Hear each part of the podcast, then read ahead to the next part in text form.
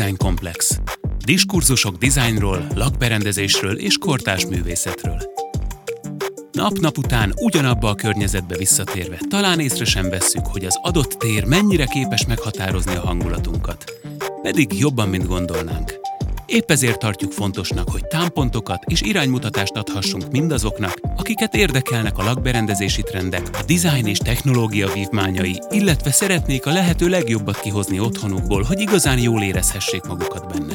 Beszélgető partnereinkkel körbejárjuk azokat a témákat, melyek egy lakás, ház vagy iroda stílusos berendezésénél felmerülhetnek. A műsorvezető Matyasovszki Nóra sokszor a lakókörnyezetünkről vagy a kertünkről úgy gondolkozunk, hogy az egy állandó, egy adott tényező.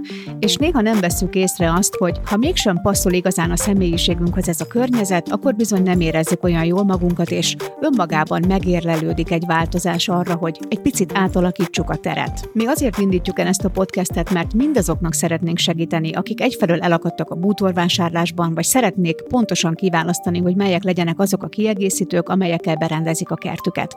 Ugyanakkor azokat a hallgatókat is várjuk, akik inspirálódni szeretnének ebből a műsorból, akik új ötletekre vágynak, olyan ötletekre, amelyeket esetleg otthon meg is valósíthatnak. Podcastünk első vendége Vandlik Julia Maxiti marketing vezetője, és Júli első körben arra vagyok kíváncsi, hogy miért azt a mottót választottátok, ami pedig így szól, hogy diskurzusok dizájnról, lakberendezésről és kortárs művészetről. Innen leginkább a kortárs művészet lók ki a sorból, úgyhogy erre külön kíváncsi vagyok. Köszönöm, sziasztok! Mivel mi egy tematikus bevásárlóközpont vagyunk, lakberendezési termékek teljes palettáját forgalmazó ugye számtalan üzlettel és különböző stílusban, árkategóriában képviseltetve magukat. Ennek megfelelően nagyon sok típusú látogató érkezik hozzánk, azoktól kezdve, akik csak egy apró kiegészítőt keresnek ajándékba, azokon át, akik egy-egy termék vagy interior kapcsán pusztán, ahogy te is mondtad, inspirálódni jönnek egy későbbi választáshoz,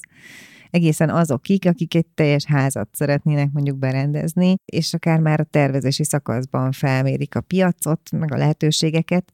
Itt tehát rálátásunk van mind erre az elképesztő méretű piacra és termékmennyiségre, mint pedig a hihetetlen tempóban fejlődő technológiákra, úgyhogy akár fogyasztóként is átérezzük azokat a dilemmákat, hogy ebben magánemberként eligazodni kb. lehetetlen. Tehát végig ez feladatunk valahol, hogy ezzel a sorozattal egy olyan útmutatást, szempontrendszert, konkrét és aktuális infókat, illetve gyakorlati tanácsokat tudjunk adni azoknak, akik az őket körülbelül terekről kicsit komplexebben gondolkodnak.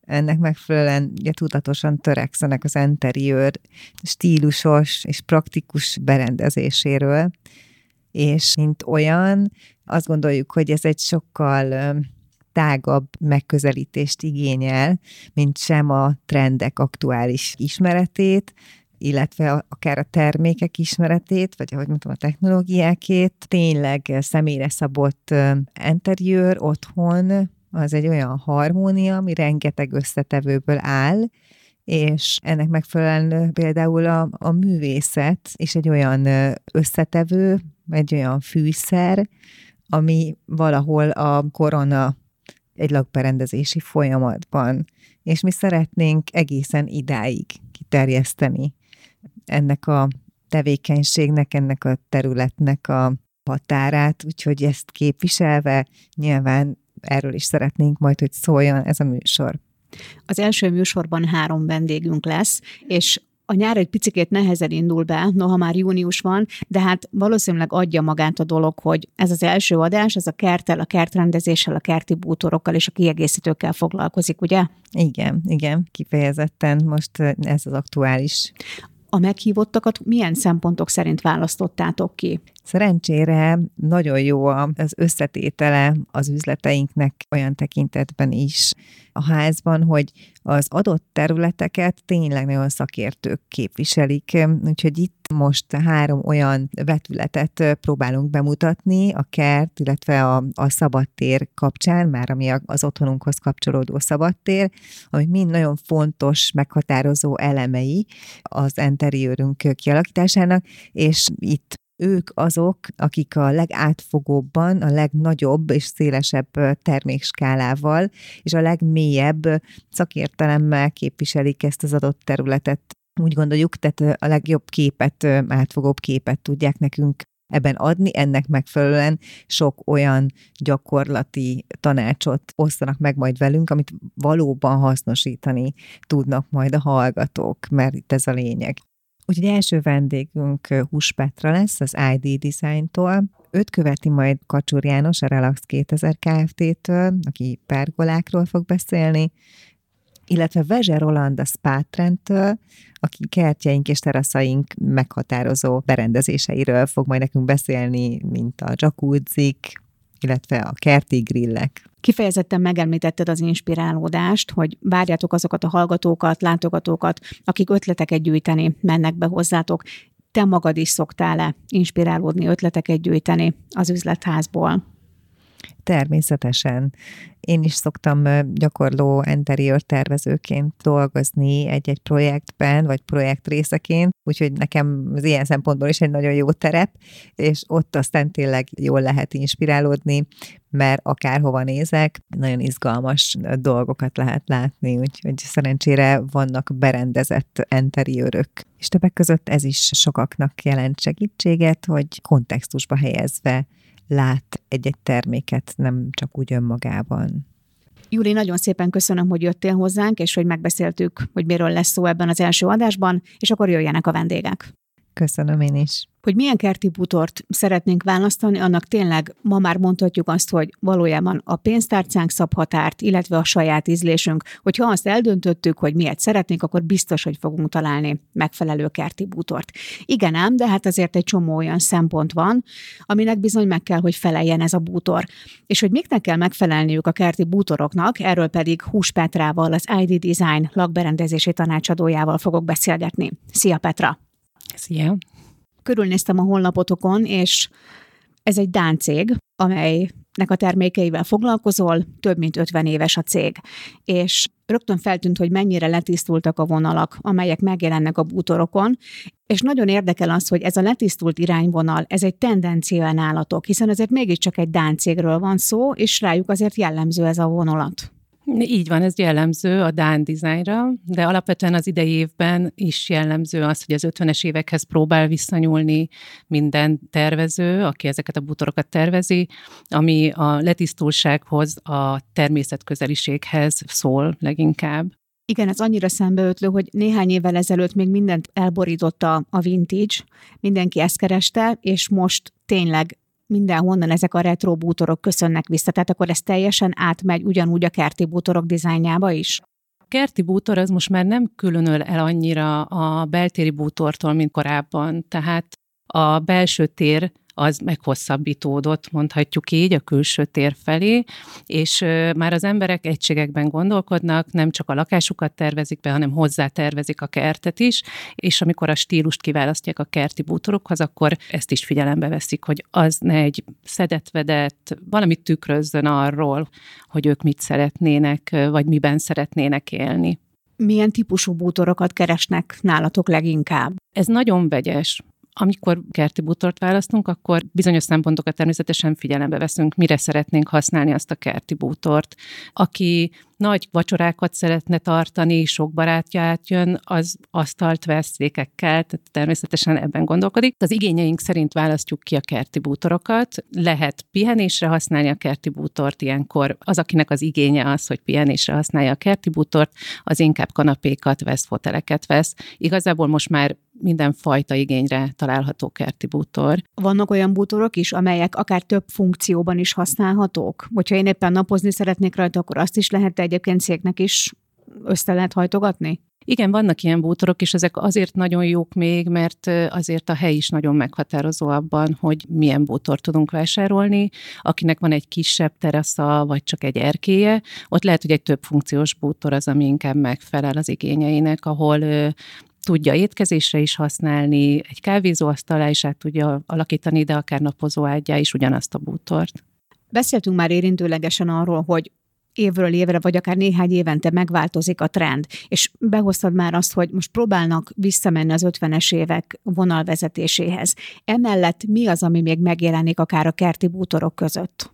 A modern igények, a funkcionalitás és a design kell, hogy ötvöződjön. Tehát olyan anyagokat kell használnunk, amik kevés karbantartást igényelnek, tartósak, a kültéri kívánalmaknak megfelelnek, UV-álló, gyorsan megszárad. De mindemellett, ahogy említettem, a dizájn még mindig nagyon-nagyon fontos, sőt egyre fontosabb a vásárlók számára. És jelen pillanatban, ahogyan egyre fontosabbá válik. Én úgy látom, hogy általánosságban a társadalomban a természet, a természethez egyre inkább szeretnénk közel kerülni. Úgy ez a bútoroknál is megjelenik. Természetes színek, levendula, okker, zöld, amit használnak, nem kevésbé használjuk a rikító színeket, mindenki inkább a természet közeli színeket választja. De akkor ez azt jelenti, hogy jellemzően most inkább fából készült bútorokat választanak a kertbe. Nyilván ez ugye nem egy egyszerű dolog, hiszen akkor a megfelelő védelemről is kell gondoskodni, ha eső éri, ha eláztatja a fű, szóval, hogy itt azért szintén egy csomó szempont van, és miközben ezt mondjuk egy műanyag bútorral egészen könnyen ki lehet küszöbölni. Igen, ez is teljesen egyéni döntés, hogy valaki rászánja arra az időt, hogy évente egyszer leolajozza azt a fa butort. Egyébként ezek a butorok már elő vannak kezelve, tehát azért olyan időjárási körülményekre vannak felkészítve, ami akár Dániában is előfordul, de ettől függetlenül természetes anyagokat, akár a kőbútorokat is kezelni kell időnként. Aki pedig ezt nagyon nem szeretné, az tud választani műanyag bútort, ezek is már nagyon jó minőségű bútorok. És a környezettudatosságot mind a két esetben szem előtt kell tartani, azt gondolom, ez most már teljesen általános. A fából készült bútorok azok fenntartható erdőgazdaságból jönnek, a műanyag bútorok azok nagyon nagy részt újra hasznosított műanyagból készülnek. Ez nagyon érdekes, amit mondasz, hogy aki rászánja az időt, hogy évről évre leolajozza a bútorát.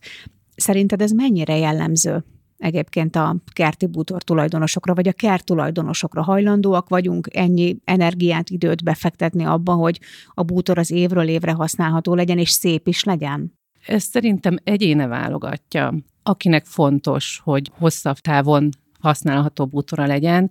Ezt a kevés energiát azért ez nem nagyon-nagyon nagy energia. Évente egyszer, akinek kertje van, azért a kertjébe is sok energiát fektet, azt gondolom.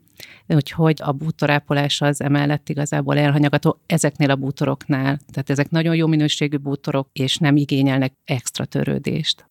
Említetted már azt, hogy jellemzően most már sokan úgy gondolnak a kertjükre vagy a teraszukra, mint akár a nappali meghosszabbítása. És azért ne feledkezzünk el arról sem, hogy még jelenleg is benne vagyunk a világjárványban, és hát mindenki kénytelen volt a, a kertjében élni egy kicsit az életét. Ebből ti mit és hogyan éreztetek meg? Mennyire esett például vissza a forgalom, vagy azzal, hogy most kezdünk már kirábolni a járványból, és már jobban lehet menni, ez most megint adott egy lendületet, akár a vásárlóknak?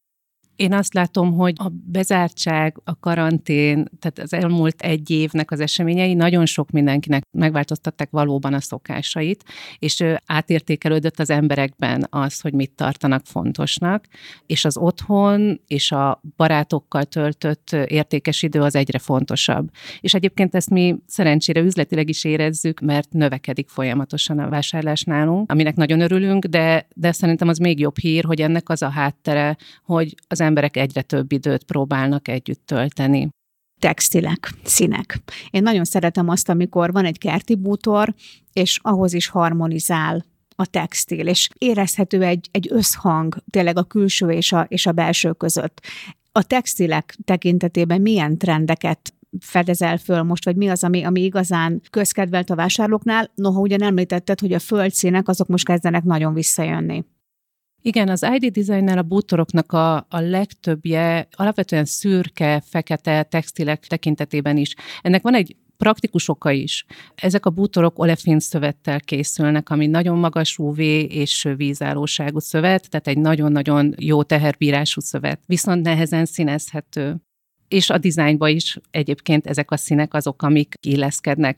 Viszont kiegészítőkkel, párnákkal, takarókkal, plédekkel nagyon jól fel lehet dobni, sőt, én azért is szoktam ajánlani azt, hogy inkább az alapok legyenek kicsit letisztultabbak, egyszerűbbek, mert a kiegészítőn mindig lehet változtatni éppen a hangulatunk vagy az adott divat szerint, viszont a bútorunk az sok évre szól. Az a tapasztalatom, hogy sokan azt gondoljuk, hogy a lakberendezés az egy nagyon egyszerű dolog, igazából csak össze kell válogatni a bútorokat és betenni egy térbe, akár beltérről, akár kültérről legyen szó. De azért hogyha jobban belegondolunk, akkor ezért ez mégsem ennyire egyszerű, mert rengeteg minden szempontot kell figyelembe venni. Szerinted hogyan érdemes ezt felépíteni? Vagy hol követjük el a legtöbb hibát, amikor berendezzük a kertünket? Amikor bemegy hozzátok valaki, akkor jellemzően milyen kérdésekkel találod szembe magad? A praktikus kérdések azok, amik először előjönnek, hogy mennyit kell foglalkozni a bútorral, valóban nem szívja ki a nap gyorsan megszárad elsőben, ezek alapvető elvárások, és mindig ajánljuk, hogy gondolják végig az ügyfeleink, hogy milyen igényeknek kell megfelelni a bútornak, az ő saját egyéni igényeiket vegyék végig, és ez alapján döntsenek. Az egyéni igények azok nagyon függnek attól, hogy kinek milyen az életmódja, milyen a családja, inkább baráti összejöveteleket szokott tartani, vagy családi összejöveteleket, van-e kisgyerek, van-e kutya, milyen igénybevétel lesz, lesz annak az adott bútornak, mi az a színvilág, amit szeretne megjeleníteni, vagy amiben ő jól érzi magát. Mindig az az elsődleges, hogy ő jól érezze magát, és ezt kell átgondolnia, és nekünk egyébként a lakberendezési tanácsadóknak is erre kell ráéreznünk, és ezt kell kipuhatolnunk, hogy neki mi az, ami személy szerint a leginkább megfelelő. Ti honnan szoktatok inspirálódni? A lakberendezési trendeket általában kiállításokon lehet felmérni, ahova természetesen a szakemberek elmennek, de a vásárlók azért a legritkább esetben tájékozódnak onnan, tehát mi leginkább az adott tematikájú lakberendezési bemutatókon szoktunk tájékozódni legfőképpen. Persze mind, mindig vannak szaklapok, meg az ember követi az olyan cikkeket, amiből lehet tájékozódni, de azért a legfontosabbak ezek. És azt mennyire lehet előre tudni, vagy arra számítani, hogy hogyha mondjuk van egy újdonság, akkor az a ti közönségeteknek mennyire jön az majd be? Ez változó. A tapasztalatunk az, hogy azért érzékenyen reagál a közönség arra, hogy mik az új trendek. Időnként van olyan, hogy azt érezzük, hogy na hát ez majd talán jövőre majd bejön, de most még egy kicsit korai, a designereknek nem csak az a feladata, hogy utat mutassanak, hanem az is a feladatuk, hogy reagáljanak a, az igényekre, és ezt kell ötvözni minden egyes bútorban, és ez meg is jelenik, azt gondolom, az ID design termékeiben. Mondtál egy nagyon érdekeset, hogy volt már olyan, amire úgy éreztétek, hogy esetleg a hazai közönség még nincsen kész. Tudnám mondani erre egy példát, hogy mi volt ez, akár színvilágban vagy kialakításban? Talán lehet, hogy korábban például a terazzó az nem volt annyira népszerű, míg a tavalyi évben, meg az idei évben is továbbra is óriási népszerűségnek örvend. Szerintem mondjuk el a hallgatóknak, hogy ez pontosan mit is jelent. Ez kőörleményből készült bútor, ebből van kültéri bútor is, amit vaxolással lehet kezelni, és egy nagyon gyönyörű, szép időtálló mm, bútordarab. A retro életérzés ebben is megvan, de mégis nagyon egyedi. Beszéltünk már az igényekről, és arról, hogy ez egy fontos szempont, hogy az az adott termék az időtálló legyen. De ezzel kapcsolatban mi a tapasztalatod, hogy a vásárlóitok inkább tényleg azokat a termékeket keresik, amelyek még 4-5-6, akár 10 év múlva is minőségi bútordarabok lesznek. Érzel-e ebbe az irányba egy eltolódást? Mindenképpen. Ahogyan a környezettudatosság is egyre inkább előtérbe kerül, ugyanúgy az is, hogy hosszú távra tervezzünk, ne egy-két évre vásároljunk bútort. Amikor valaki egy ilyen speciális szakmát választ, kertel, kerti bútorokkal foglalkozik, akkor bennem fölmerül egy olyan kérdés, hogy neki biztos van kötődése a kerthez. Neked van kötődésed, és hogyha van, az, az milyen? Van, természetesen. Én is nagyon szeretek barátokkal kertben kint ülni a nyári estén, és jókat beszélgetni. Minden mellett nagyon fontos egyébként. Úgy látom, hogy kicsit mostanra előtérbe került, de nagyon-nagyon jó trend a biodiverzitást szem előtt tartó, fenntartható kert is, amikor szabadon hagyjuk a kertet, és hagyjuk, hogy a saját természetében jelenjen meg minden. Tehát mára már sokkal kevésbé trend az, hogy minden szögletesre van nyírva, és a főle van nyírva teljesen, hanem nőjön, és az nőjön, ami ott vadnövényként, vadvirágként nőhet, és én személy szerint egy ilyen kertben érzem jól magam. Akár néhány évtizeddel ezelőtt a kertet sokkal inkább szerintem funkciójában használtuk. Nagyon sokan veteményt nevelgettek a kertben, szóval nem tudtuk, vagy nem tudták igazából kiélvezni a kert adta lehetőségeket. És mit gondolsz, hogy nagyjából mikor indulhatott el egy olyan változás, hogy a kertnek adtak egy kicsit más funkciót, picit a regenerálódásra, a rekreációra szerették volna már használni a kertjüket az emberek, és nem arra, hogy mindennek legyen benne valamilyen funkciója. Konkrétan gondolok arról, hogy kihúzunk a földből egy répát, amit ott termesztettünk. Azt nem tudnám megmondani, hogy ez hány évvel ezelőtt kezdődött el, de azért az utóbbi tíz évben én már ezt tapasztalom, hogy egyre inkább erősödik, hogy igen, a rekreációs szerepe a kertnek egyre fontosabb. Mind a mellett azt is látom, hogy nagyon fontos ez a része is, hogy akár magas ágyásokban neveljünk növényeket a kertünkben, és én szerintem egyre inkább arra tolódnak el az igények, hogy ez a kettő egyensúlyban legyen azok a családok, akiknek kisgyerekeik vannak, ők is nyugodt szívvel tudnak nálatok válogatni? Tehát ezek a, ezek a bútorok is egészen nyugodtan beilleszthetők egy gyerekbarát környezetbe is? Igen, természetesen. Ahogy már korábban mondtam, azért az egyéni igényeket mindig figyelembe kell venni, ezek a bútorok, ezek teljesen tökéletesen megfelelnek gyerekes családok részére is, hiszen ami kibírja az esőt, a napot, a fagyot, az egy gyereket is ki fog bírni. Beszéljünk egy picit a bútorok ápolására, mert itt most a nap meg a fagy is szóba jött. Ezeket a bútorokat kint lehet hagyni akár egész térre, egy megfelelő borítással, vagy mindenképpen be kell őket vinni valamilyen zárt térbe? Abban az esetben a természetes anyagból készült bútort választunk, azért érdemes bevinni. Az élő anyagok, a fa, azért egy nagy hőmérséklet változást nem fog jól viselni. Tehát azt szoktuk ajánlani, hogy nem fűtött, jól szellőző helyiségben érdemes tárolni. És például ez is egy szempont a bútorválasztásnál, hogy van-e hol tárolnom azt a bútort, amikor éppen nem használom. Ha nincs, akkor inkább fémbútor, inkább műanyag bútor, amit kint tudok hagyni, letakarom, és majd előveszem tavasszal. Hogyha természetes anyagból készült bútort vásárolunk, akkor ezt figyelembe kell vennünk. Lehet rosszul választani kerti bútort? Mert azért mégiscsak jobb esetben ez néhány évre szól. Hogyha megfelelően átgondoljuk az igényeinket, megfelelő szaktanácsot kérünk, akkor nagyon kicsi az esélye, hogy rosszul választunk. Akkor érdemes azért vinnünk magunkkal egy ilyen checklistet, mielőtt elmegyünk kerti búzort választani, ha jól sejtem. Egyrészt érdemes a checklistet is vinni, másrészt érdemes a szakemberek tanácsát is kikérni. Nagyon szépen köszönöm, Petra, hogy eljöttél, és nagyon jó nyarat kívánok neked. Köszönöm, én is kívánom nektek. Hogyha kiválasztottuk a kerti bútorunkat, és berendeztük ezekkel a, az új ülőalkalmatosságokkal a kertünket, akkor jön a következő kérdés, és a következő nagy feladat, amit meg kell oldanunk. Ha kimegyünk a kertbe, hogyan árnyékoljuk le azt a kertet? Vagy ne csak a kertnél maradjunk, hogyha történetesen teraszunk vagy erkélyünk van. Szóval ez manapság, amikor óriási erővel süt a nap, nagyon-nagyon meleg van, 30-40 fok is van akár a napon, ezzel a kérdéssel muszáj foglalkozni, különösen akkor, hogyha esetleg valakinek valamilyen bőr problémája van, vagy kisgyerek van otthon. Ezeket a kérdéseket fogjuk körüljárni a következő vendégünkkel, aki pedig nem más, mint Kacsúr János, a Relax 2000 Kft. üzletvezetője. Szia János! Szervusz Nóra! Mit lehet tudni a cégetekről? Az az internetről kiderül, hogy 1997-ben jött létre, és 2000 óta vagytok Magyarországon. Az árnyékolás technika volt mindig is a fő profilotok? Nem, és alapvetően most sem a fő profilunknak tekinthető.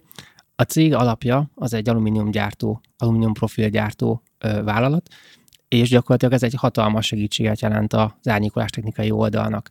Az árnyékolás technikai részünk az abból adódott, hogy a tulajdonos külföldön beleszeretett egy ilyen termékbe, és azt gondolta, hogy mivel alumíniumot gyárt ő, és ez a termék alumíniumból készül, ezért alkalmasnak gondolta a céget arra, hogy ebben mi is belevágjunk. Ez nagyjából tíz évvel ezelőtt történt. Mi volt ez a termék, amiben vele szeretette a tulajdonos? Gyakorlatilag ez egy külföldi nyaralóhelyen felépített bioklimatikus pergola volt. Akkor azonnal elérkeztünk ahhoz, amiről később szerettem volna beszélni, de akkor csapjunk bele abba, hogy tulajdonképpen mi az, hogy pergola, és hogyan épül föl egy ilyen bioklimatikus rendszer. Alapvetően pergolának hívjuk azokat az árnyékoló szerkezeteket, amik kültéren vannak. Ezek lehetnek önállóan felépített, vagy pedig ingatlanhoz csatlakozó szerkezetek. Ezeknek alapvetően van valamilyen típusú teteje olyan szempontból, hogy vagy nyitott, vagy zárt, nyitható, stb. A biotikus pergolák azok ezeknek egy elég fontos szegmensét alkotják. Itt arról szól a történet, hogy a tetejét valamilyen módon nyitni lehet. Ezek lehetnek elforgatható lamellák, ilyen alumínium lamellás tető szerkezetről beszélünk ebben az esetben, lehetnek elhúzható lamellák, illetve lehet elhúzható ponyva tető. Ez az egyik része. Az oldalait szintén lehet nyitni, zárni, különböző szerkezetekkel. Ezek lehetnek olyanok, amik üvegből készülnek, és ezáltal ugye van egy hővédelme akár, vagy egy olyan lehetőség benne, hogy téli kertés lehet alakítani az oldalára nézve. És ezeknek az összességéből áll össze, tehát ha a teteje és az oldala is valamilyen szinten nyitható, zárható, ebből áll össze az a bioklimatikus pergola rendszer, ami megengedi azt, hogy te be tudod azt állítani, hogy mennyi fényt szeretnél, mennyi levegőt szeretnél beengedni a pergolád alá, akár tudod azt is, hogy betekintés védelmet tudjál adni, a különböző bogarakat ki tudod zárni, a szelet tudod szabályozni. Jellemzően kik azok, akik pergolát választanak a kertjükbe? azt lehet mondani, hogy most már egyre többen, tehát nincsen egy kiemelt szegmens, hogy vagyoni helyzettől fölfelé, vagy a középrétektől fölfelé. Alapvetően ugye itt akinek van akár egy kertje, akár egy terasza, egy erkéje, előbb-utóbb eljut odáig, hogy az egy használható térré szeretné, hogy alakuljon, és ebben tudunk neki segíteni. Tudjuk bővíteni a lakható területét az ingatlanban. Azt rólad lehet tudni, hogy korábban kerti bútorokkal foglalkoztál több évig. Amikor hozzátok betér egy vásárló, akkor ezeket a tapasztalataidat hogyan tudod használni, hogyan lehet azokat a tapasztalataidat beépíteni akkor, amikor ajánlasz neki valamilyen árnyékolási rendszert? Ugye nagyon sok esetben már adott egy kerti bútor, amit mondjuk a vásárlónk már valahonnan beszerzett, akár évekkel ezelőtt is, és van vele egy tapasztalata. Például mondjuk valaki vásárol egy olyan kerti bútort, ami kültéri bőrborítású. Ez azt jelenti, hogy a kültéri bőr, mint egy autóbőr, hogyha napon van, akkor az nagyon fel tud forrósodni. Tehát neki mindenféleképpen egy olyan megoldást tudunk adni, amivel ezt el tudja kerülni, tehát gyakorlatilag meg tudja védeni a bútor felmelegedését, és ezáltal azt a bútort, amit eddig kevésbé tudott a napos időszakban használni, újra tudja használni. Tehát tulajdonképpen, hogyha van egy ilyen pergolánk, vagy egy ilyen bioklíma rendszerünk, akkor egy olyan zárt és akár még klimatizált teret is kaphatunk a kerten belül, ahol sokkal kellemesebben lehet pihenni, mint hogyha csak mondjuk egy napernyő alatt ücsörögnénk. Abszolút. Ugye a napernyőkről azért azt tudni kell, hogy ott bizonyos szélsebességig tudjuk egyáltalán használni őket, illetve bizonyos szélsebességig lesz kényelmes alatta tartózkodni. A pergolákat, ezeket a bioklimatikus pergolákat, hogyha a tetejüket bezárjuk, akár az oldalát is bezárjuk, akkor azt lehet mondani, hogy ki lehet alakítani egy olyan teret, ami 24 órában az év 365 napján használható. Nyilván a komfortérzetünk az nem minden esetben ugyanaz, de ezen tudunk segíteni egy infrafűtéssel, vagy ha ingatlan mellett vagyunk, akkor mondjuk a közös ajtónak a, a nyitásával, ezáltal az ingatlanból is tudunk egy bizonyos hőmennyiséget beengedni. Jellemzően milyen kérésekkel fordulnak hozzátok? Mi volt például a legextrémebb kérés, amit árnyékolás technikában meg kellett valósítanotok? Extrém kérésben nem is feltétlenül a maga az a kérdés, vagy kérés a nehéz, hogy, hogy mit szeretne a vásárló, mármint az alatt, hogy milyen kiegészítőket, vagy, vagy helyileg fel egy hegy tetejére, hanem inkább az, hogy a legutolsó ilyen komolyabb feladat az az volt a kollégáimnak, a mérnök kollégáimnak, hogy egy olyan ingatlanhoz kellett pergola rendszer terveznünk, aminek a terasza a nappalival közös falról indult, és a két széle az épület falának az nem párhuzamosan ment, hanem egy ilyen, mintha kinyitná a teret a tervező, ami egy tök jó ötlet, olyan szempontból, hogy minél több fényt tud beengedni a, az ingatlanba a tulajdonos, Viszont a mi szempontunkból az egy kihívás, hogy azokon a területeken, ahol nem négyzeteket vagy téglapokat tudunk kialakítani, hiszen a pergoláink nyitásához, mozgatásához ez szükséges, ott ezeket a részeket valamilyen megoldással be tudjuk fedni. És szerencsére ezt meg tudtuk oldani, mert hogy van arra mód, hogy nem feltétlenül nyitható pergolát, tehát nem biopergolát, vagy bioklimatikus pergolát építünk egymás mellé, hanem hagyományos pergolákkal tudjuk ezt ötvözni. Ilyenkor, amikor van egy ilyen különleges kérés, akkor utána érkezik felétek valamilyen visszajelzés, hogy bevált a rendszer, tök jól lehet használni? Konkrétan ez a termék, vagy ez a megrendelés ma kerül végösszeszerelése, tehát azt jelenti, hogy az utolsó elemek, az utolsó üvegfelületek azok pont ma délelőtt kerültek be ebbe az ingatlanba. Az eddig elkészült részekkel elégedett volt a tulajdonos, hogy bízom benne, hogy ha teljesen befejezzük, akkor azzal is elégedett lesz. Egyébként azokon a telepítéseinken, amiken már túl vagyunk, ott nagyon sok esetben kapunk akár fényképet is utólag, hogy mondjuk egy születésnapi bulit tartottak, kislétszámú szilveszteri bulit mondjuk az elmúlt szilveszterkor hogyan kell karban tartani, vagy akár tisztán tartani ezeket a rendszereket, és bővíthető-e, hogyha valakinek menet közben az igényei megváltoznak? A tisztíthatóságával kapcsolatban annyit tudok elmondani, hogy gyakorlatilag, mintha egy autót használnánk. Tehát ugye alumínium felületekről beszélünk, nem magas nyomású, hanem normál nyomású víz a segítségével tudjuk tisztítani. Az üvegeket azok, mint egy ingatlanban a normál üvegek, tehát az rendben van. Ami kérdés szokott lenni, az a pergola tetejének, tehát ennek a lamelláknak a tisztítása. Itt a tisztítás egy részét megoldja az eső, a vízelvezető rendszereken keresztül, ugye leviszi róla azokat a poros részeket, illetve a lamellának a belső része, amit ha beülünk alá, akkor látunk, az pedig hát egész egyszerűen létrával föl kell mászni és letakarítani. Ez az, hogy milyen gyakran, az meg nyilván a a helytől függ, hogy mennyire porosodik, illetve a mi igényünk, hogy mit viselünk el. Azért ezek mégiscsak kültéri dolgok, tehát mint egy kerti bútornál tisztában kell lenni azzal, hogy ez kint van. És a bővíthetőség? A bővíthetősége az teljesen megoldott. Tehát ezek moduláris szerkezetek. Ez azt jelenti, hogy akár utólagosan, vagy akár már a megrendelésnél is több szerkezetet egybe össze tudunk építeni. És a kiegészítőket pedig nem mindet, de a 80%-át azt utólag is be lehet szerelni. Amikor megérkezik hozzátok egy igény, mert nem csak a kertben kell az árnyékolásról gondoskodni, hanem akár egy teraszon vagy egy erkélyen, akkor ti ki is mentek esetleg a helyszínre, és ott megnézitek, hogy miről van szó? Igen, általában az úgy szokott kinézni, hogy megkeres minket egy érdeklődő, ez lehet ugye személyesen a, az üzletben, a Maxitiben, vagy pedig telefon, e-mail, weboldalon keresztüli megkeresések érkeznek hozzánk. Ezután megbeszéljük azt, hogy mi az ő elképzelése a terasszal, kerttel, árnyékolással kapcsolatban, és megnézzük, hogy a mi lehetőségeinkkel ezt mennyire tudjuk lefedni.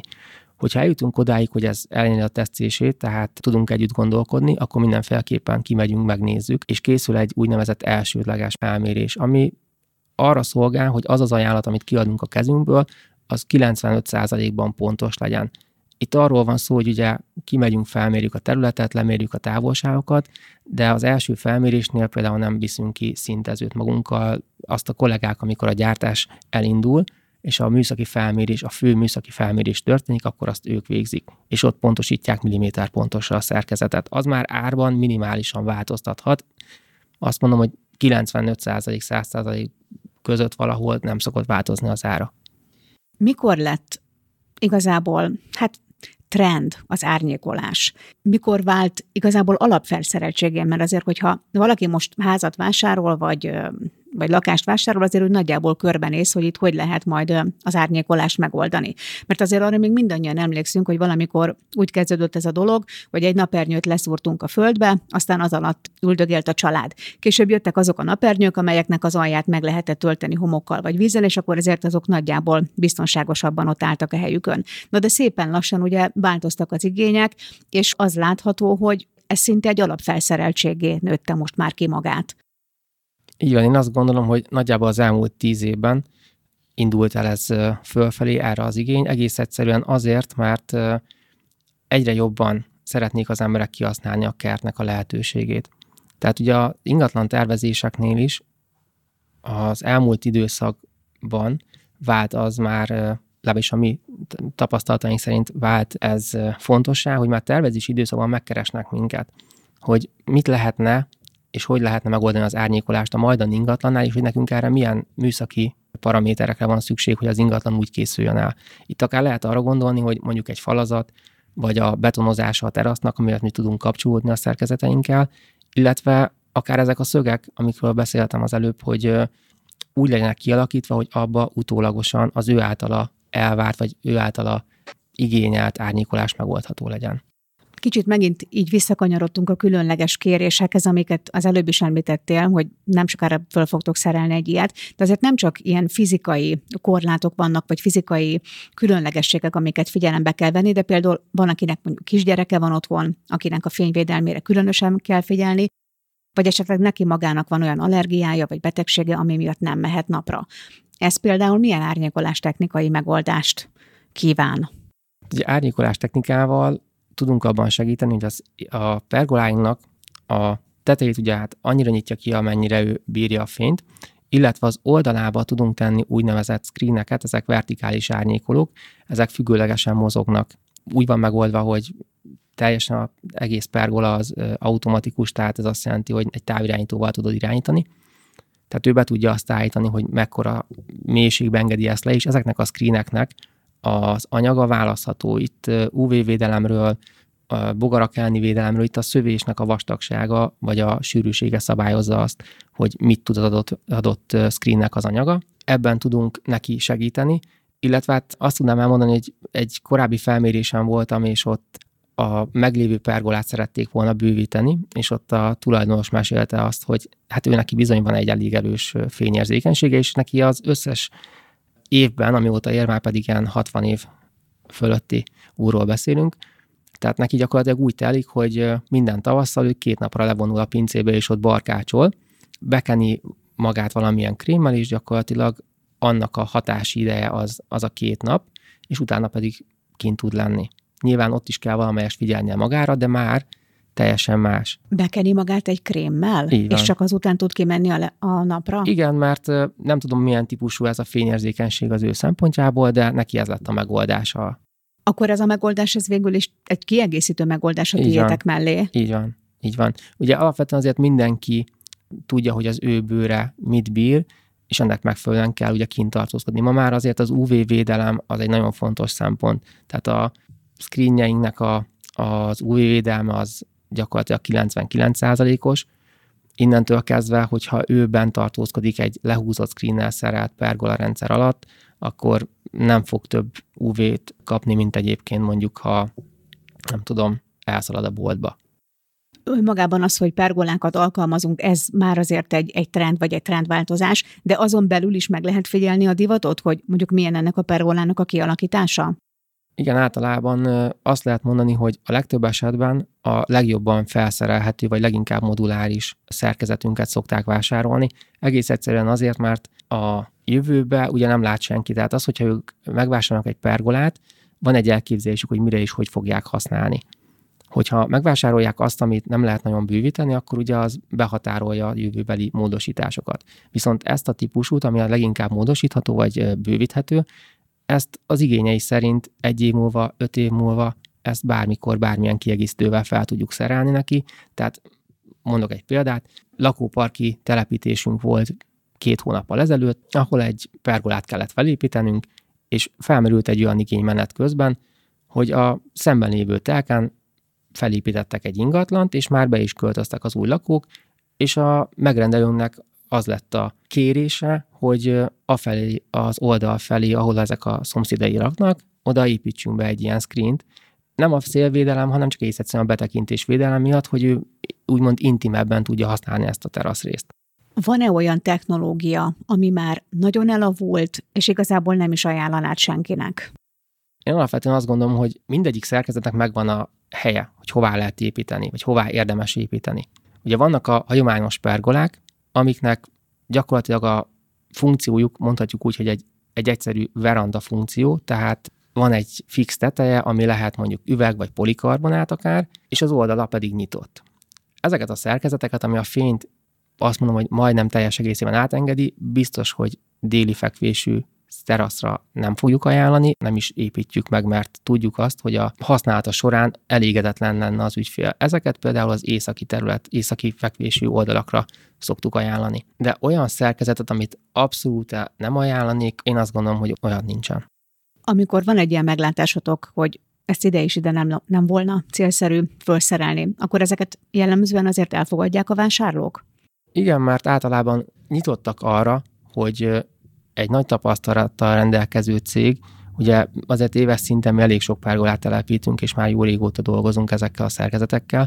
Tehát, hogy egy ilyen cég milyen helyzeteket oldott meg, vagy milyen helyzeteket látott. És ugye az ő igényük az gyakorlatilag az, hogy egy használható teraszt építsünk, vagy egy használható pergolát tegyünk az ő teraszára, kertjébe, stb. És ö, alapvetően ezekre a megoldásokra nincs nagyon rálátásuk, hogy melyikkel mit lehet elérni. Vannak, olvasnak utána, tehát van valami információk, de amikor ott vagyunk a helyzetben, akkor ugye szerencsére tudunk rájuk olyan szempontból hatni, hogy meghallgatnak minket, és általában azért elfogadják a javaslatainkat. Nálatok az üzletben milyen formában lehet ezeket a termékeket megtekinteni? Valamennyire ki is tudják őket próbálni? Persze, tehát nálunk az üzletben többfajta pergola van kiállítva, a kiegészítőinket szintén meg tudják nézni. A kiegészítők ugye azok a pergolába építhető elemek, amikről beszéltünk, tehát ezek lehetnek tolóüvegek, tolóüvegajtók, ezek keretesek vagy keret nélküliek, ugye itt a hőszigetelésnek van gyakorlatilag jelentősége. Vannak a screenek, amiről már beszéltünk, itt több fajta van, akár az átláthatóság szempontjából, akár a, a szín szempontjából. Ez egy fontos szempont, hogy be tudunk mutatni többfajta szint is az, az üzletben, mert akkor az igazi az embereknek az elképzelése, hogyha azt valamilyen szinten meg tudják valójában látni, hogy hogy néz ez most ki, és azt el tudják képzelni, hogy hogy fog ez majd az én kertemben kinézni. Anélkül, hogy mondanánk egy pontos összeget, hogy mégis mennyibe kerül egy ilyen pergola, hiszen rengeteg mindentől függ az árképzés, de nagyjából mire számíthat az, aki egy ilyen befektetésre szánja el magát, és nagyon fontos kérdés, hogy kell-e hozzá építési engedély? Alapvetően nem építésengedélykötelesek ezek a szerkezetek. Az árazásáról azt tudnám elmondani, hogy készítettem egy kalkulációt, ami arról szólt, hogy a legnagyobb szerkezetünk, amit egy modulból fel tudunk építeni, az nagyjából egy olyan 6 méter 4,5 méteres területű szerkezet.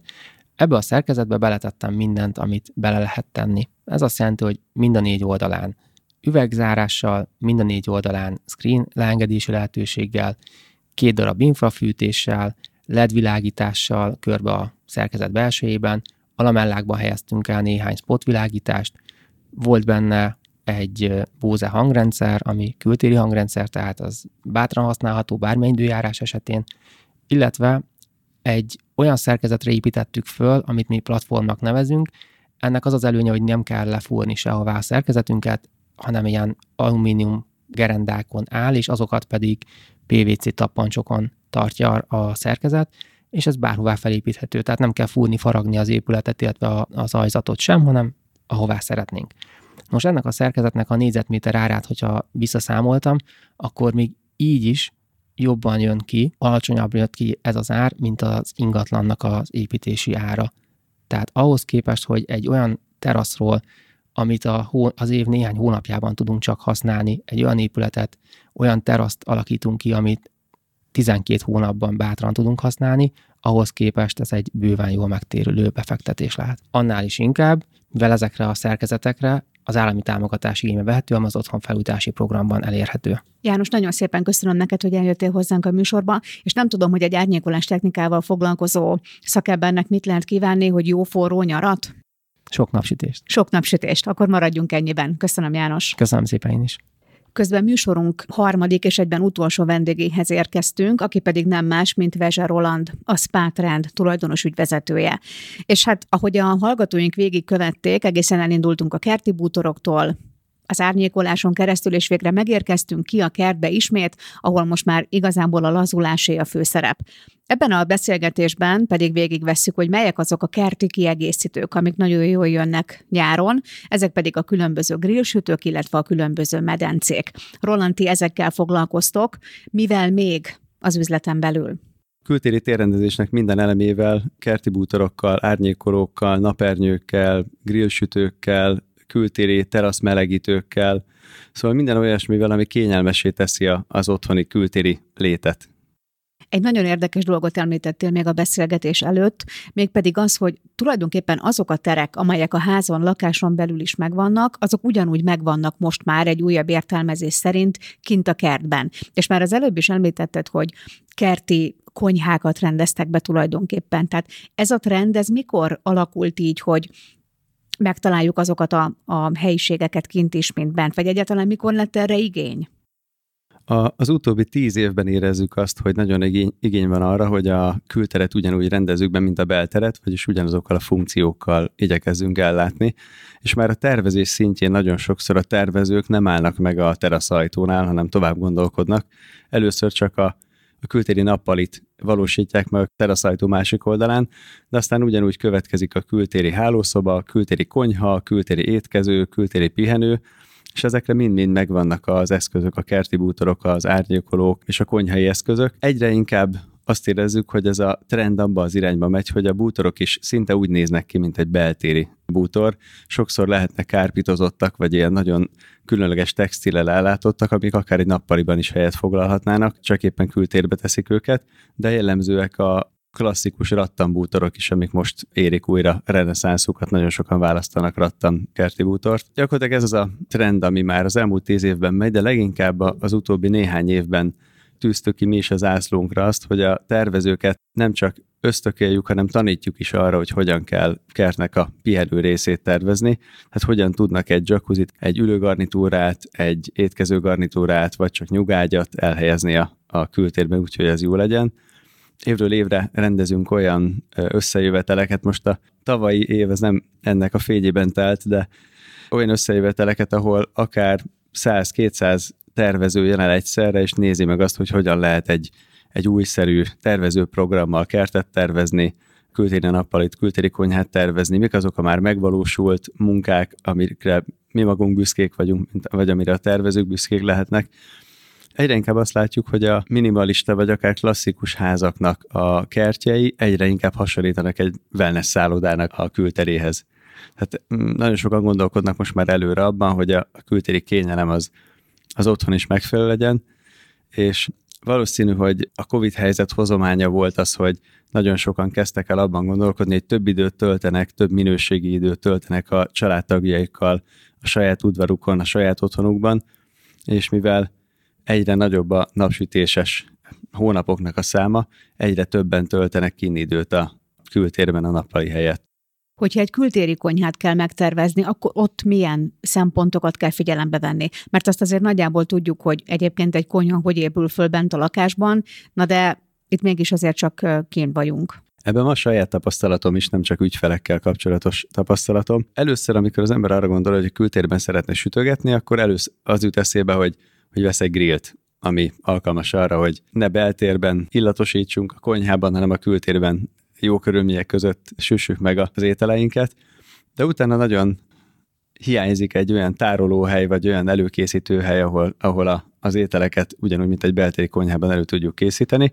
Majd elkezd hiányozni a hűtő, mert hogy a hűtőből vesszük elő azokat a húsokat, vagy zöldségeket, amiket megrillezünk. Ha már ez is megvan, akkor nagyon sokszor a kültéri világítás, ami hozzájárul ahhoz, hogy akár este is, éjszaka is tudjunk grillezni, legalábbis nálam ez egy nagyon, nagyon fontos szempont, hogy sokszor csak akkor van időm, amikor munka után hazamegyek, és, és már éppen sötét vagy félhomály van, és akkor is szeretek egy-egy sztéket, vagy egy, egy-egy grillételt elkészíteni. Tehát a, az igények hozzák a kültéri konyhának a, a sokféleségét, vagy sokszínűségét, és a, a végeredmény az, hogyha valaki egy igazán komoly kültéri konyhát épít, akkor abban van faszienes grillsütő, gázgrill, van elektromos grill, akár kültéri olyan sütő főzőlap, amin a, a leveseket, szószokat is el tudjuk készíteni.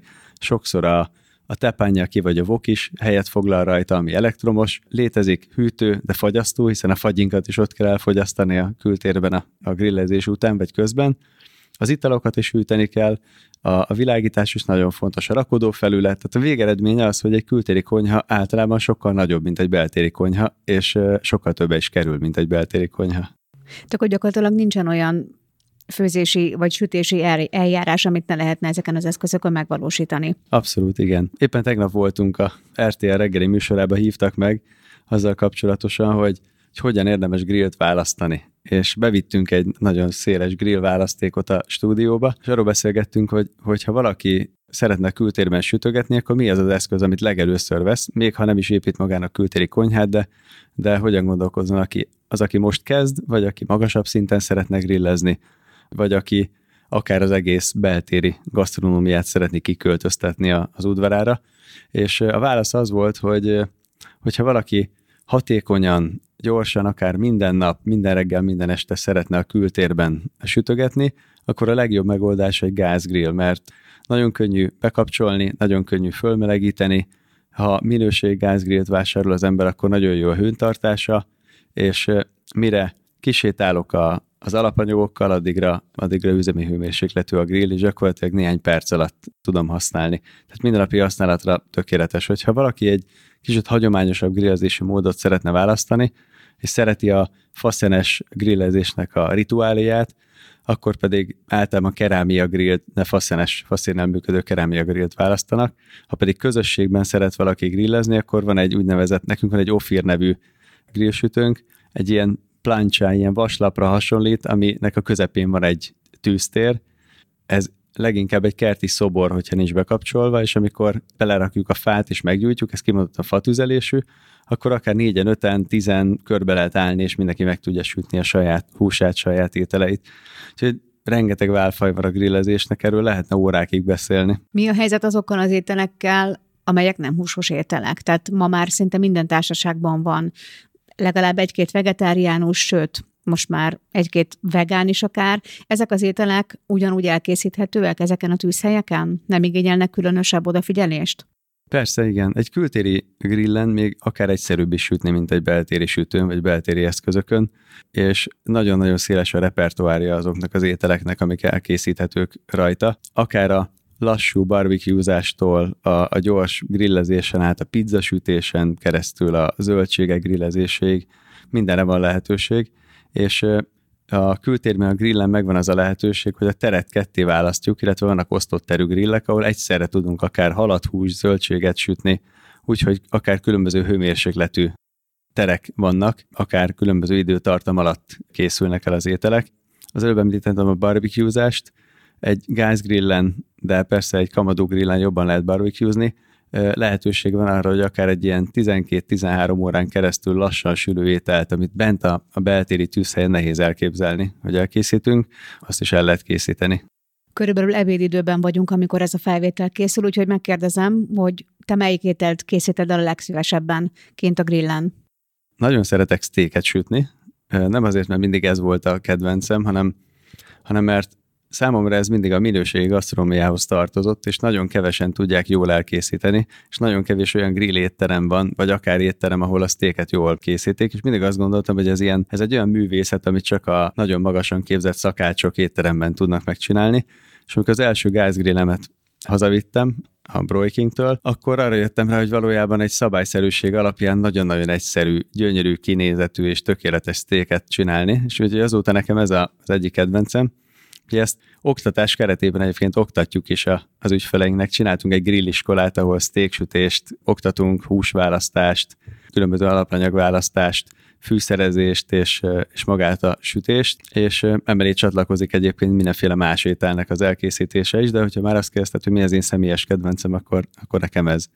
De nagyon szeretem például a kollégáim azt mondanák, hogy hogy úristen, megint ezt említem, de a, a marha szegyet, mert ez meg egy ilyen nagyon férfias, nagyon ilyen igazi grillesek, igazi barbecuesoknak a végterméke, amikor egy szegyet ráteszel egy grillrácsra, és ilyen indirekt hővel 10-12-13 órán keresztül tökéletesen puhára sütöd. Ez ilyen nagyon férfias, és a nagy, nagyon a, a grilleseknek, barbecuesoknak az álma. Általában versenyeznek egymással a, a grill tulajdonosok, hogy ki tud jobb marra szegyet készíteni a grillezéssel kapcsolatban egy nagyon fontos kulcsszót használtál, mégpedig az, hogy férfias.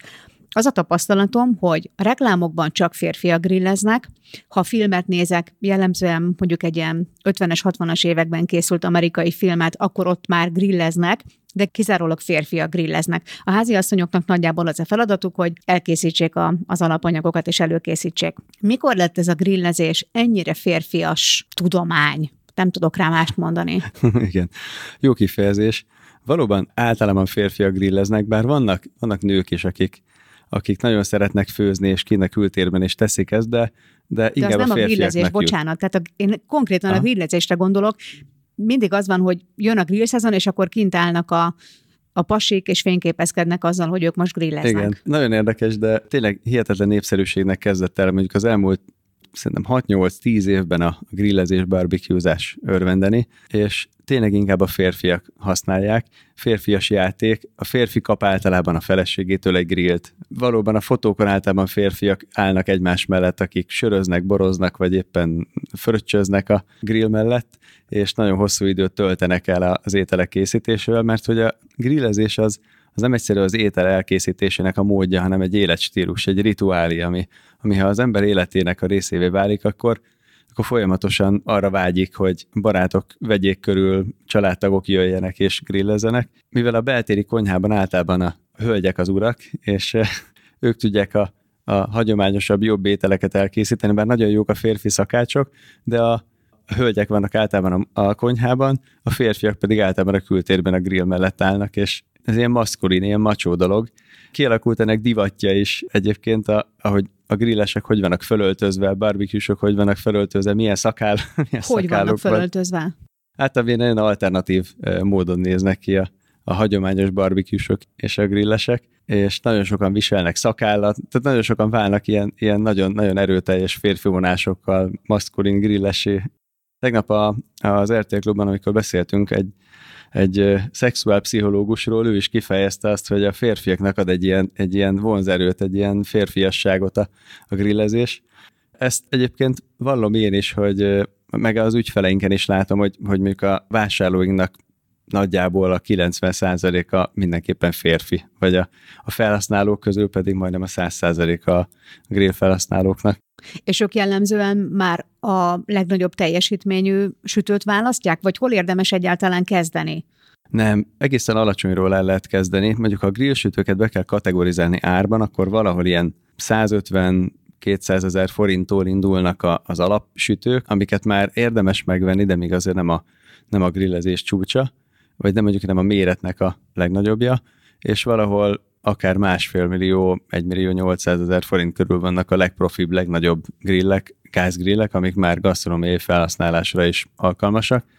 Az átlag eladásunk az mégis ilyen gázgrillben ilyen 3-400 ezer forint környékén van, a kerámia grillekben pedig az, az meg valahol ilyen 3-500 ezer forint közé tehető a magyar piacon, és sokan kezdik egy egyszerűbb gázgrillel, mindenkit megpróbálunk arról meggyőzni, hogy amikor elkezd grillezni, akkor annyira az élete részé, részévé fog válni, hogy bármi, amit el tud képzelni abban a pillanatban, hogy egy szűk családi körben akár, vagy általában két-három ember fogja használni, mindig az igazolódik be, hogy, hogy aztán grillpartik, nagy családi eseményeknek a részévé válik a grill. Tehát mindig megpróbálunk arra utalni, hogy vegyenek egy picit nagyobbat, mint amit el tudnak képzelni. Mert ha már egy ilyen egy ilyen 6-8 személy kiszolgálásra alkalmas grillt vesznek, az nagyon sokáig jó lesz. Ha vásárol valaki egy grillsütőt, a következő lépés az, hogy sok mindent elkezd kipróbálni rajta. Rengeteg fajta grillételt, amit addig el sem tudott képzelni, és rájön arra, hogy milyen jó olyan eszközöket alkalmazni, amik alkalmasak mondjuk füstölésre, vesznek hozzá füstölődobozt, füstölőfát, pályás serpenyőt, különböző vokokat, mert hogy a grillt megvenni, az még csak egy, vagy kiválasztani, az még csak egy része a grillezésnek, de a, az eszközök sokféleségével a, az ételeknek a sokféleségét fogjuk elérni, és ha már valakinek mindene megvan, akkor tényleg mindent el tud készíteni rajta, amit egy beltéri sütő, vagy még annál is többet. A következő lépcső általában egy, egy jó gázgrill és egy nagyon jól felszerelt grill eszköz repertoár után, hogy, hogy vesznek egy faszenes grillt is a férfiak, vagy a családok, rájönnek arra, hogy vannak olyan események, amihez jobban illik az, hogyha fával vagy, fa, vagy faszénnel rakjuk meg a grillt, és füstölünk, és hosszú ideig állunk mellette, és akkor egy következő lépcső, amikor már egy ilyen igazi texasi füstölőt vesznek. Van olyan ügyfelünk, akinek egy szinte egy spátrend bemutató terem a kertje, és már mindenféle grillt megvásárolt ami létezik, és rengeteget posztolgat a Facebookon, vagy, a, vagy az Instán, kiteszi azokat az ételeket, amiket készít, Neked ez is divattá vált a férfiak körében, hogy csatlakoznak egy grill csoporthoz, egy közösség tagjának érzik magukat, és megmutatják egymásnak, hogy mit készítettek. Ez a legegyszerűbb csirkemeltől a legkomolyabb különleges grillételekig minden, mindennél lehetséges, és több 20-30-50 ezer követője is van ezeknek a csoportoknak egyébként, akik napi szinten azt nézik, hogy mit süt a másik. Hogyha rendezünk 8 fős grillpartikat, akkor könnyen lehet, hogy utána egy medencepartit is megszervezünk, amely medencék nálatok szintén kaphatóak. Ott kint a Maxitiben itt is gondolom, hogy a paletta az elképesztően széles, a lehetőleg alapabb medencétől egészen nem tudom, egy úszásélményt kínáló medencéig.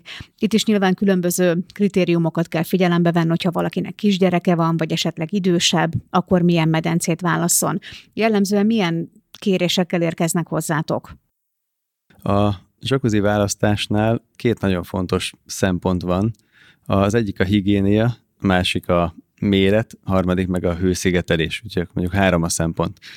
Ha egy család eljön hozzánk, akkor általában fontos kérdés az persze, hogy hányan vannak, hányan szeretnék használni, kültérbe vagy beltérbe fogják elhelyezni, milyen lesz a tájolása a medencének, hova fognak nézni a medencéből a teraszra vagy a kertre, mit szeretnének ülni vagy feküdni benne, a helyekről hova szeretnének kinézni, és ez alapján érdemes medence formát választani, és mi a márkát, amit képviselünk, az alapján választottuk ki, hogy rengeteg, még mondjuk 20 mm, évvel ezelőtt nagyjából 300 masszázsmedence gyártó volt a világpiacon, amíg rá nem jöttek arra az emberek, hogy érdemes ebből minőségi dolgot választani, és mi úgy választottunk, hogy tudnak tudatában, hogy hogy bárki, aki egy medencét vesz, ő magának veszi, azt, azt egy családot kell kiszolgálnia, azt a néhány évet kell kibírnia.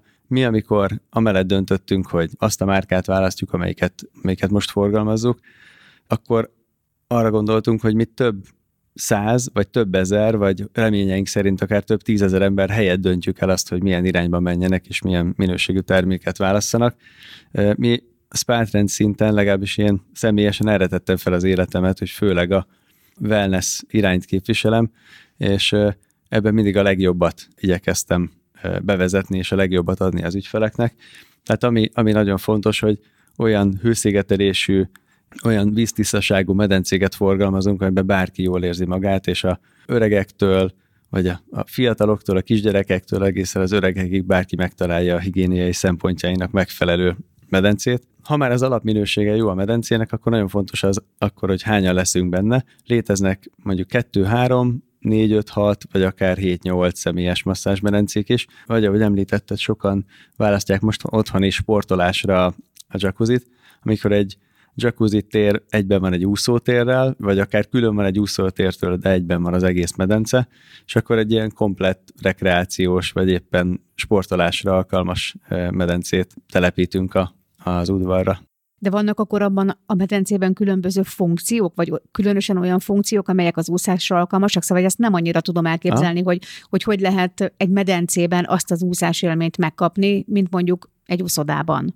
Egy, egy úszómedence, amit persze egy úszodában egy mondjuk 25 méteres, vagy akár egy mm, nem tudom, 12 méteres úszómedencében az ember elég sokat tud úszni. Alkalmas arra, hogy hosszú távot ússzunk, és forogjunk benne. Egy otthonra épített úszómedence, amit mondjuk általában ilyen 6-7-8 méteresre terveznek, vagy mondjuk 10 méteresre, nem igazán alkalmas a, a hosszú távú úszásra. Ezért találták ki az enáramoltatós medencéket, az ellenáramnak az a lényege, hogy, hogy úgy jöjjön szembe a víz, úgy áramoljon velem szembe, hogy az ne legyen zavaró, ne fodrozódjon, ne legyen örvényes, és nyugodtan egyenletesen tudjak benne akár órákon keresztül úszni. És egy ellenáramoltatós jacuzzit így kell elképzelni, hogy kényelmes, kihívásokkal teli benne úszni, lehet a hőmérsékletét szabályozni, ahhoz képest, hogy, hogy mi tudom, éppen napi szintű úszásra használjuk, vagy csak néha úszunk benne egy picit, mert akkor lehet melegebb a, a vize. Hogyha, hogyha napi szinten használjuk, akkor meg inkább az úszómedence vizének a hőmérsékletét kell valahol lekövetnünk. Ezek a, az endless pool medencék, amiket mi forgalmazunk, olyan ellenáramot biztosítanak, hogy nagyon széles, meg nagyon mély áramlatban jön velünk szembe a víz, olyan, mint egy folyóban úsznánk, ennek a sebessége pedig úgy szabályozható, hogy akár egy kisgyerek, akár egy nyugdíjas, akár egy olimpikon úszó megtalálja benne a neki megfelelő sebességet. Szabályozható fokozatmentesen nullától egészen 52 fokozaton keresztül, ami azt jelenti, hogy gyakorlatilag bármilyen sebességre képesek vagyunk. Egy olimpikon nem tudja leúszni a legnagyobb sebességet. Ezen kívül egyébként nem csak ellenáramoltató van a medencékben, hanem futópad is, az azt jelenti, hogy, hogy vízben, vízárammal szemben egy normál futópadon, egy elektromos futópadon tudok futni, és a víz az ellenállásom. És minél magasabbra veszem az ellenállást, annál inkább hasonlít mondjuk egy, egy emelkedőn való futásra a, futásom, és a víznek a felhajtó ereje miatt pedig egyáltalán nem rongálja a, az izületeket, nagyon kíméletes az izmoknak, meg az izületeknek, ezért nagyon szeretik a, a, az emberek ezt a vízben való futást, ezt az akvatréninget. Elképzelhető, hogy sokakat mondjuk környezetvédelmi szempontok tartanak vissza egy medence megvásárlásától, mert úgy gondolják, hogy nagyon sok vizet fogyaszt, nyilván a vizet valahogy tisztítani kell, és nem tudják, hogy az elhasznált víz az igazából hová lesz utána a medencéből. Erről mit lehet tudni? Igaz, hogy nagyon fontos a víz a környezetünk szempontjából. A gyártók azon igyekeznek, hogy minél ritkábban kelljen vizet cserélni egy masszázsmedencében. Ugyan a masszázsmedencében lévő víz az nagyjából már egy-másfél köbméter, vagy mondjuk legfeljebb két köbméter, de ezt a vizet sem érdemes elpazarolni évente 10-20-szor, ezért úgy van kialakítva a medencének a víz keringető szűrő és vízkezelő rendszere, hogy évente csak háromszor kelljen benne vizet cserélni. Tehát nagyjából három-négy hónapra kitolható a vízcsere időtartama, közben természetesen vegyszerezni kell. Mi egy Aquafines nevű ilyen nagyon környezetbarát vegyszert használunk hozzá, amit Hollandiában találtak föl, és olyan tisztaságú, hogy a halak is megélnek benne, és ez egy nagyon pici fertőtlenítő tablettára van szükség hetente, és akkor gyönyörűen tisztán lehet tartani, a pH szintjét szabályozza a vegyszer.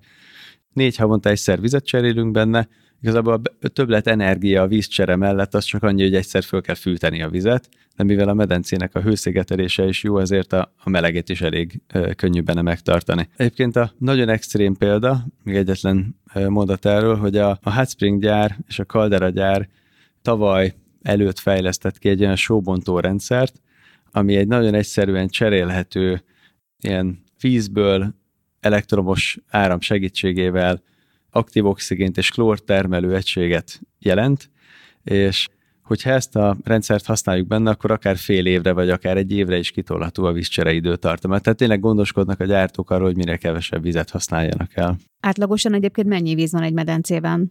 Mondjuk 800 liter, egy köbméter, másfél köbméter. Egy ilyen két-három személyes medencébe 6-800 liter, egy 4-5-6 személyes medencében nagyjából ilyen másfél köbméternyi. Említetted, hogy ma már úgy tervezik meg a kertet, hogy legyen nyilván olyan vízkiállás, vagy a csatornát úgy tervezik meg, hogy oda majd később egy medence kerüljön, de ahová ezt előre nem tervezték, akkor mit lehet csinálni? Ez mennyire bonyolult beüzemelni egy ilyen medencét? Valójában nagyon egyszerű, mert ha nem volt a hely előkészítve, akkor igazából két dolgot hagyhattak ki. Az egyik a vízelvezetés, vagyis a csatorna, a másik pedig az áram.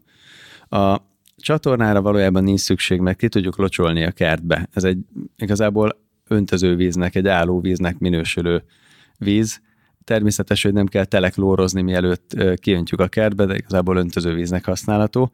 Az áramot mindenképpen oda kell vezetni a, a medencéhez, és általában vagy háromfázisú, vagy kétfázisú, de közvetlenül az áramforrásból, a dobozból, úgyhogy a, a háznak a központi áramforrásáról kell, hogy érkezzen a vezeték, és szükség van hozzá egy firelére, ami azért szükséges, hogy életvédelmi szempontokat figyelembe véve biztonságos legyen a medence. Tehát ha van egy vezetékünk, van egy sima egyenes placunk, akkor igazából elhelyezhető rajta egy masszázsmenence.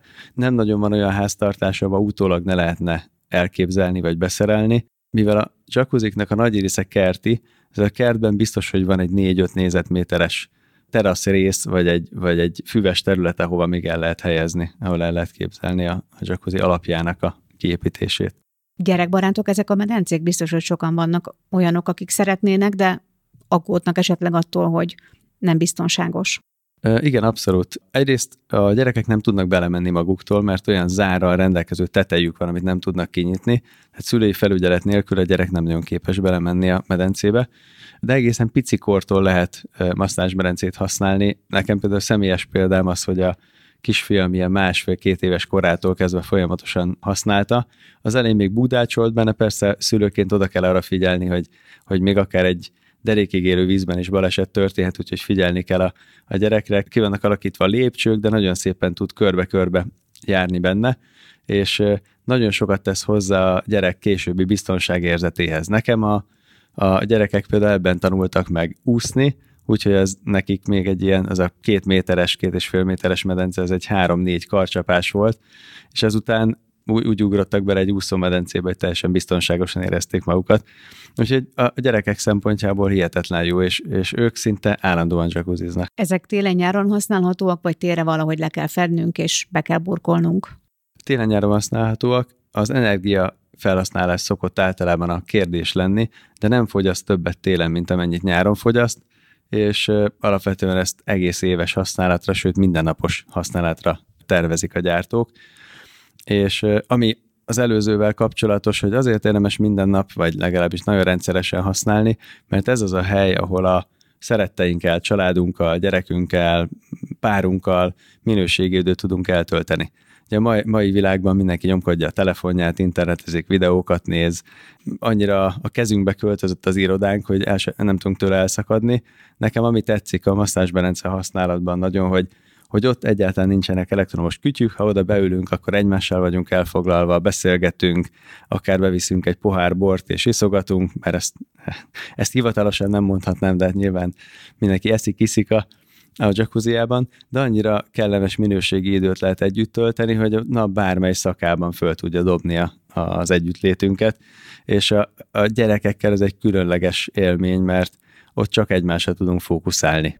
Én azt hiszem, hogy ez a legjobb végszó ehhez a mai adáshoz, úgyhogy Roland, nagyon köszönöm, hogy itt voltál velünk, és remélem, hogy még találkozunk. Nagyon szívesen, én is köszönöm a meghívást. Köszönöm, hogy itt voltatok, hamarosan újra jelentkezünk, tartsatok akkor is velünk. Sziasztok! Ez volt az eheti Design Komplex. Kövess minket a népszerű podcast appokban, úgy mint Spotify, Google Podcast, Apple Podcast. Értékeld az adásokat, és ha legfrissebb információkra vágysz a podcasttel kapcsolatban, akkor kövess minket a Maxity LinkedIn oldalán. Tarts velünk a következő adásban is!